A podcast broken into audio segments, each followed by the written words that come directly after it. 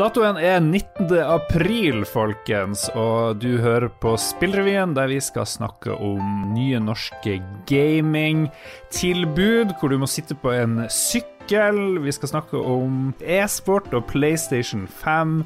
For å snakke om det her, så er du med, Jon Cato. Hallo, hallo. Hallo, hallo. For en fantastisk eh, regissert introduksjon der. Ja, det her må klippes hardt. Dere aner ikke for et kaos det var å finne ut hva vi skulle snakke om i dag. vi burde gjøre det på slutten. Mitt navn er Lars Rikard Olsen, og det er som vanlig lite kosprat. Vi går rett på news. I forrige uke så ble det mulig å forhåndsbestille den nye treningsløsninga Play Pulse One, som er utvikla i tilknytning til NTNU i Trondheim.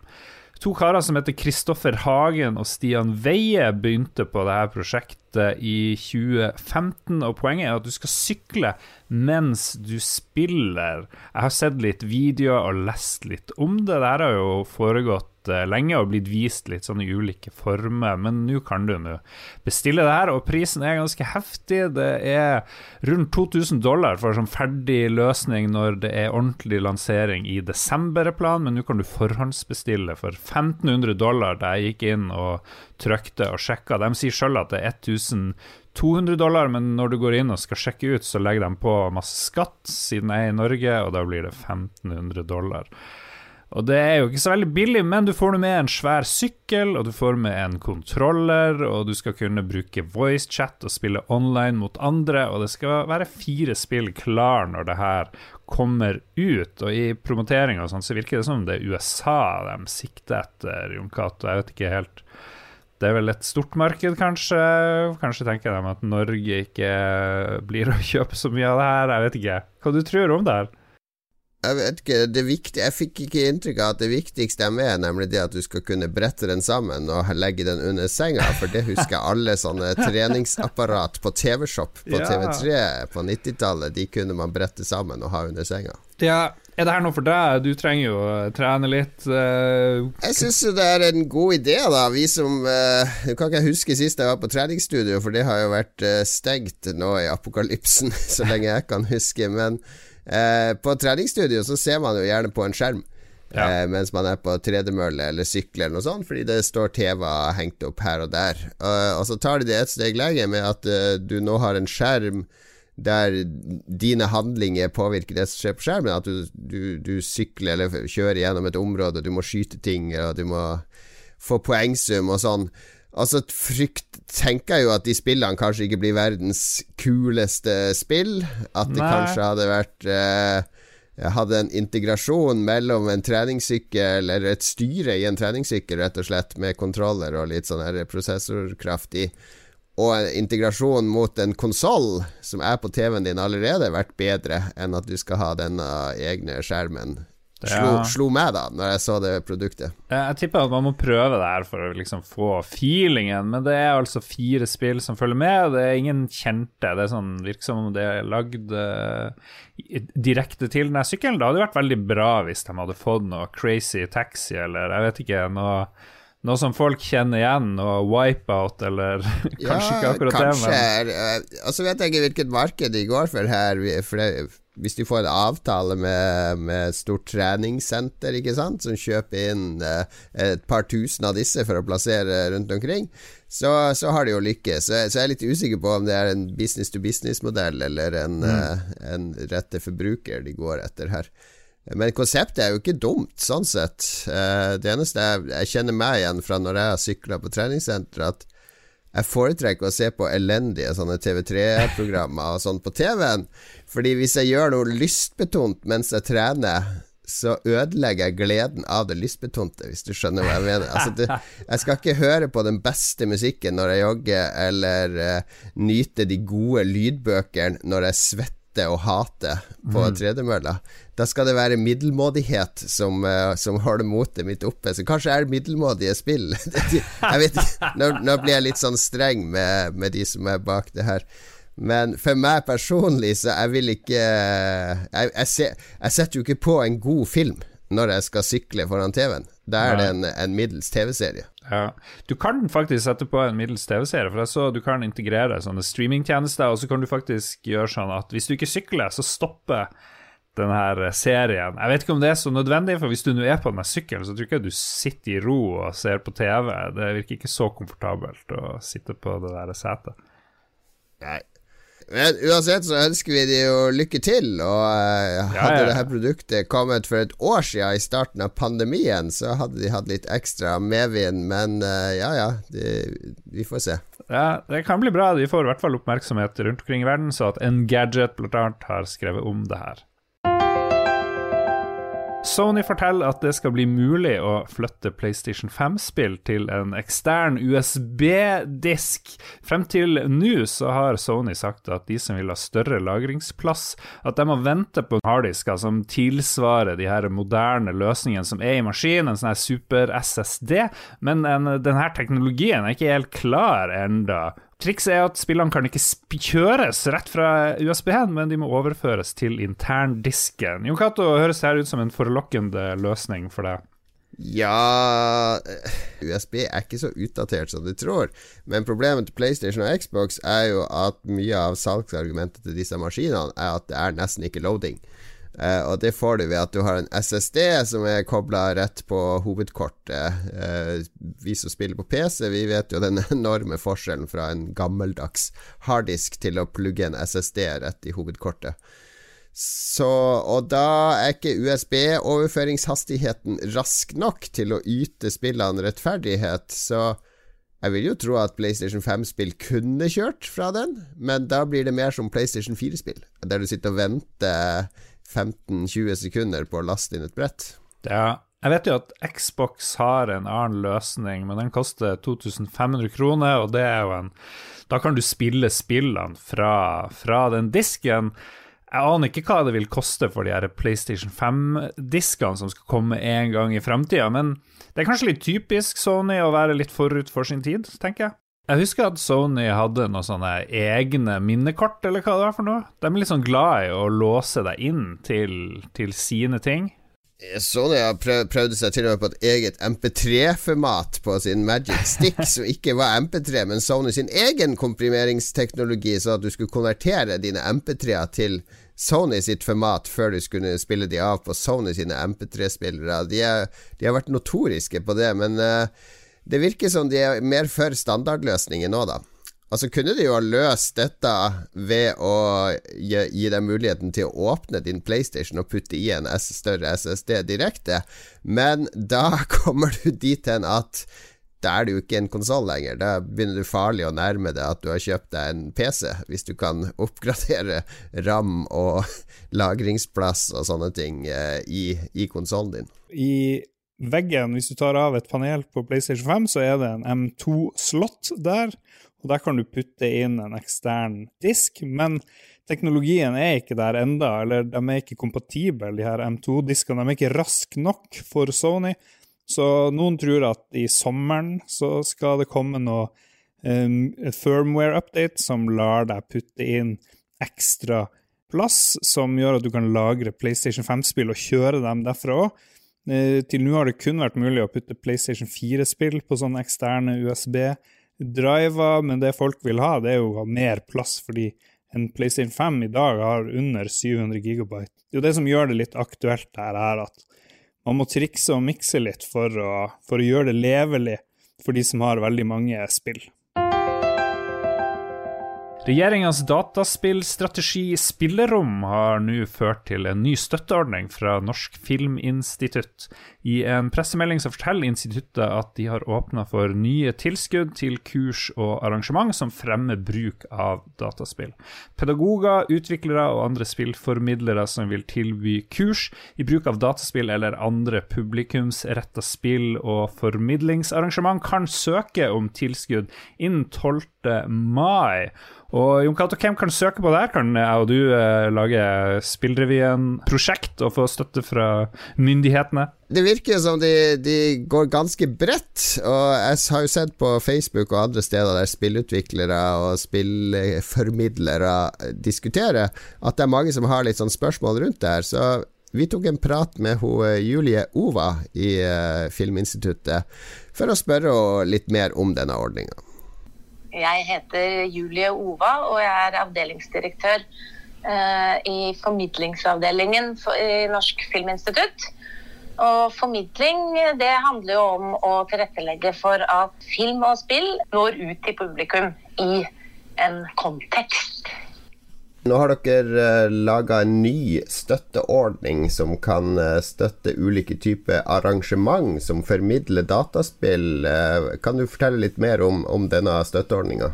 Vi ser jo for oss at det er både det at vi må ha litt kompetanse hos de som skal formidle eh, spill. Og på et litt sånn lavterskelnivå så er jo det eh, ofte bibliotekene. Eh, samtidig som vi også ønsker oss uh, profesjonelle arenaer uh, der vi skal ikke tilrettelegge for de, selve arenaene, men vi skal tilrettelegge med midler, slik at det kan lages spillarenaer der det spilles i en sosial, kulturell eller pedagogisk kontekst.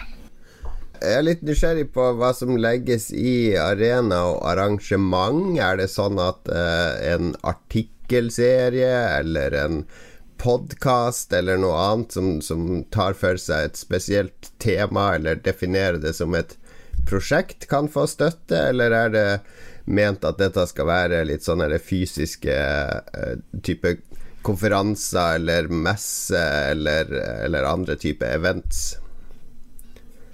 Vi er nok der, ja. Altså på at det skal treffe publikum. Eh, det er, viktig, det er en viktig kriterie i dette.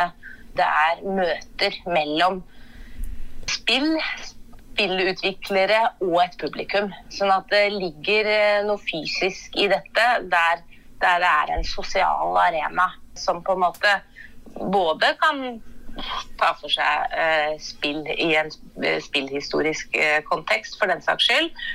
som gir den liksom kontekstualiserende.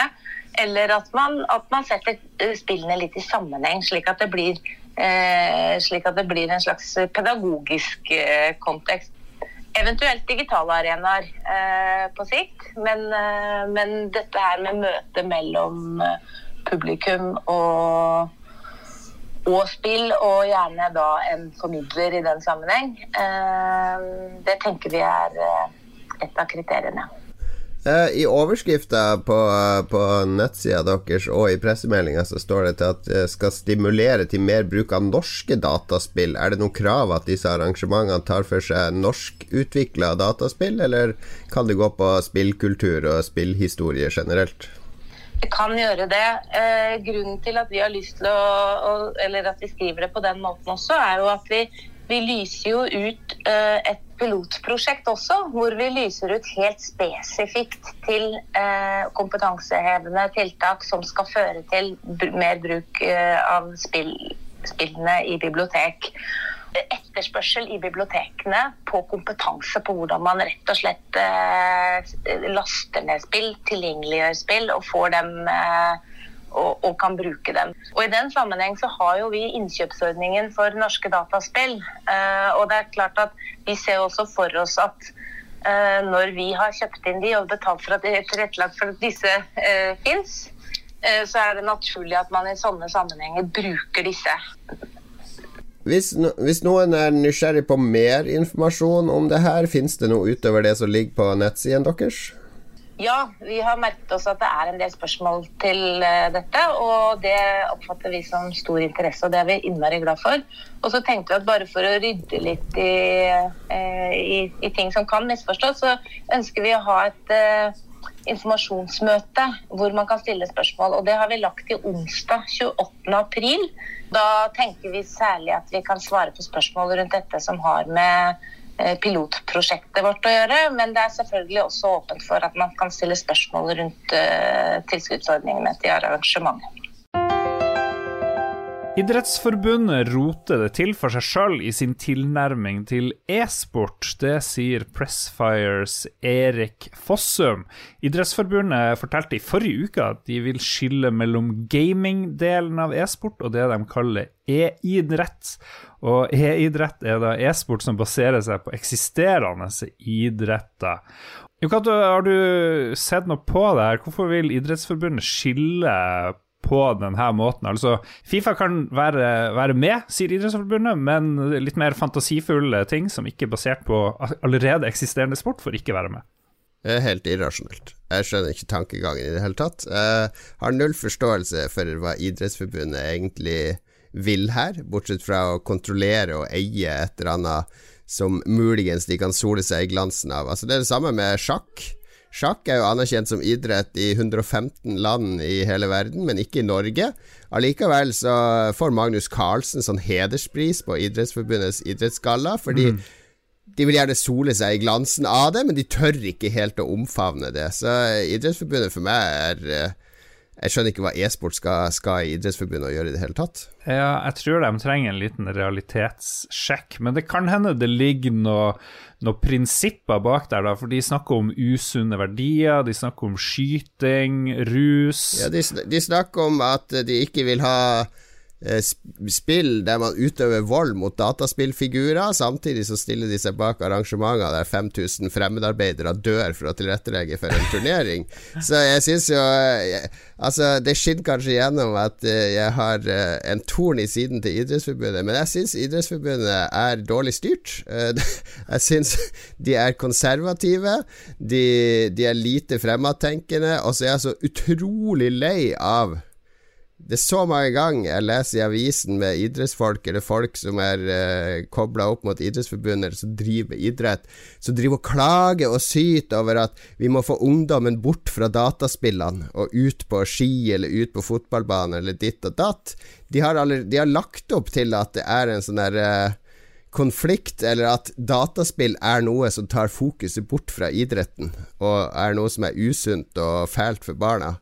Uh, og med det utgangspunktet så er jo jeg allerede farga i mitt syn på Idrettsforbundet. Fordi jeg syns ikke de har en konstruktiv tilnærming i det hele tatt. Ja, det, Kanskje man bør tenke at det finnes positive og negative uh, sider ved det meste, også gaming, men også idrett og trening og slanking og, og kroppspress og alle de tingene der. Det, det er jo ikke noe som er svart og hvitt her. Nei, det er ikke det, og jeg er stor fan av barneidrett og frivilligheten i idretten og, og idrettsglede og det å prestere på ditt nivå og alt sånn. Det der jeg syns det begynner å bikke, er når du nærmer deg eh, ungdom og voksen alder, og det skal begynne å bli mer sånn organisert og strukturert. Og sånn, det er sånn skinnhellighet i denne idretten òg. Vi kan ikke drikke øl på tribunen på en fotballkamp, for det formidler feil verdier. Altså, hva, er det puritanske kristne på 1800-tallet vi snakker om nå, eller er det en moderne organisasjon for, for glede og ja, ja. Jeg, jeg, kan ikke snakke om Idrettsforbundet, merker blir, eh, Episoden blir bare Det blir en blogg, det her, ikke en, eh, ikke en konstruktiv episode. Vi går derfor videre til heller å snakke om spillene som kommer i uka vi nå er inne i. Og jeg ser at 22. og 23. april så er noe som fenger din oppmerksomhet. Ja, det er det. 22. april så fortsetter den fenomenale Picross-serien til Nintendo. Eh, Picross er jo litt sånn sudoku-aktige puslespill der du skal eh, farge rute i et uh, rutenett basert på tallverdier ved siden av. Veldig sånn der eh, meditativt og terapeutisk, så hvis du fortsatt uh, sitter innelåst i, uh, i, korona, så er dette, dette er god mental uh, helsebringende positive spilleopplevelser, rett og slett. Og så er det 23. april, så kommer det gamle spillet Nier, eller Nier, jeg er litt usikker på hvordan du uttaler det. Ja, samme her. Uh, Nier var jo opprinnelig lansert på PlayStation 3. Var litt sånn uh, asiatisk spill som ikke fikk så stort gjennomslag i Vesten før uh, oppfølgeren Nier Automata kom, som fikk mye mer oppmerksomhet. Kjempespill. Ja, det er en fyr som heter Yoko Taro som står bak, som er meget sær. På pressekonferanser har han ofte på seg sånn maske eller en sånn rundt ja. spøkelseshode. Han er spillverdens svar på Daft Punk, sånn sett det, det, er litt sånn der eh, metaspill, altså kommentarer på spill. Det låner fra andre spill og populærkulturer. En, en autør er vel kanskje det vi kanskje kan kalle han. Han blander og mikser og lager noe helt unikt. Eh, og liksom spill som kommenterer seg sjøl underveis. Altså Nier Automata er jo helt notorisk med at det har så mange slutt elementer og så, så, så, mange lag til det spillet. Men det første som kom, var jo Nier, og nå kommer det en sånn oppgradert versjon som heter Nier Replicant. Versjon 1,22474487139 mm. er da den fulle tittelen på denne uh, relaunchen av Nier. Kommer på moderne konsoller. Vet vi noe om hvorfor den har en sånn pi-aktig tall i tittelen? Det virker veldig merkelig. Det er Yoko Taro som driver og har det gøy på vår bekostning, som vanlig. Hvis du ønsker å ha mer gøy, så kan du høre på Lolbua, som kommer hver onsdag, hvor jeg og Jon Cato normalt er i førersetet. For tida så har vi noen uh, flotte vikarer der på gang. Og Spillrevyen som du hører på nå, kommer hver mandag. Sjekk også ut Ragequit, som kommer hver uke i sin egen feed. Vi lager Spillrevyen i samarbeid med pressfire.no, som du kan støtte på Patrion. Det kan du også uh, gjøre med Lolbua og våre podkaster. Hver uke så kommer Jon Cato med stadig økende hverdagslige råd om hva man skal gjøre og sist så var det å Jeg vet ikke hva det var for noe. Det handlet om eh, våren å gjøre, om man måtte kle på seg, eller noe sånt der. Har du noe bedre råd denne uka, Jon Cato? Nå er uh, det er ikke noe 'Mesternes mester'. Norges tøffeste er over. Det vant selvfølgelig en nordlending. Maskorama har ikke begynt ennå. Så nå, jeg vil anbefale alle å se på uh, Lade opp til Melodi Grand Prix, som er snart uh, eh, alle, alle Melodi Grand Prix-bidragene til alle land ligger nå på YouTube-kanalen til Eurovision. De har jeg sett uh, både én og to ganger. Muntert. Vi er tilbake om en uke. Ha det bra. Hei da.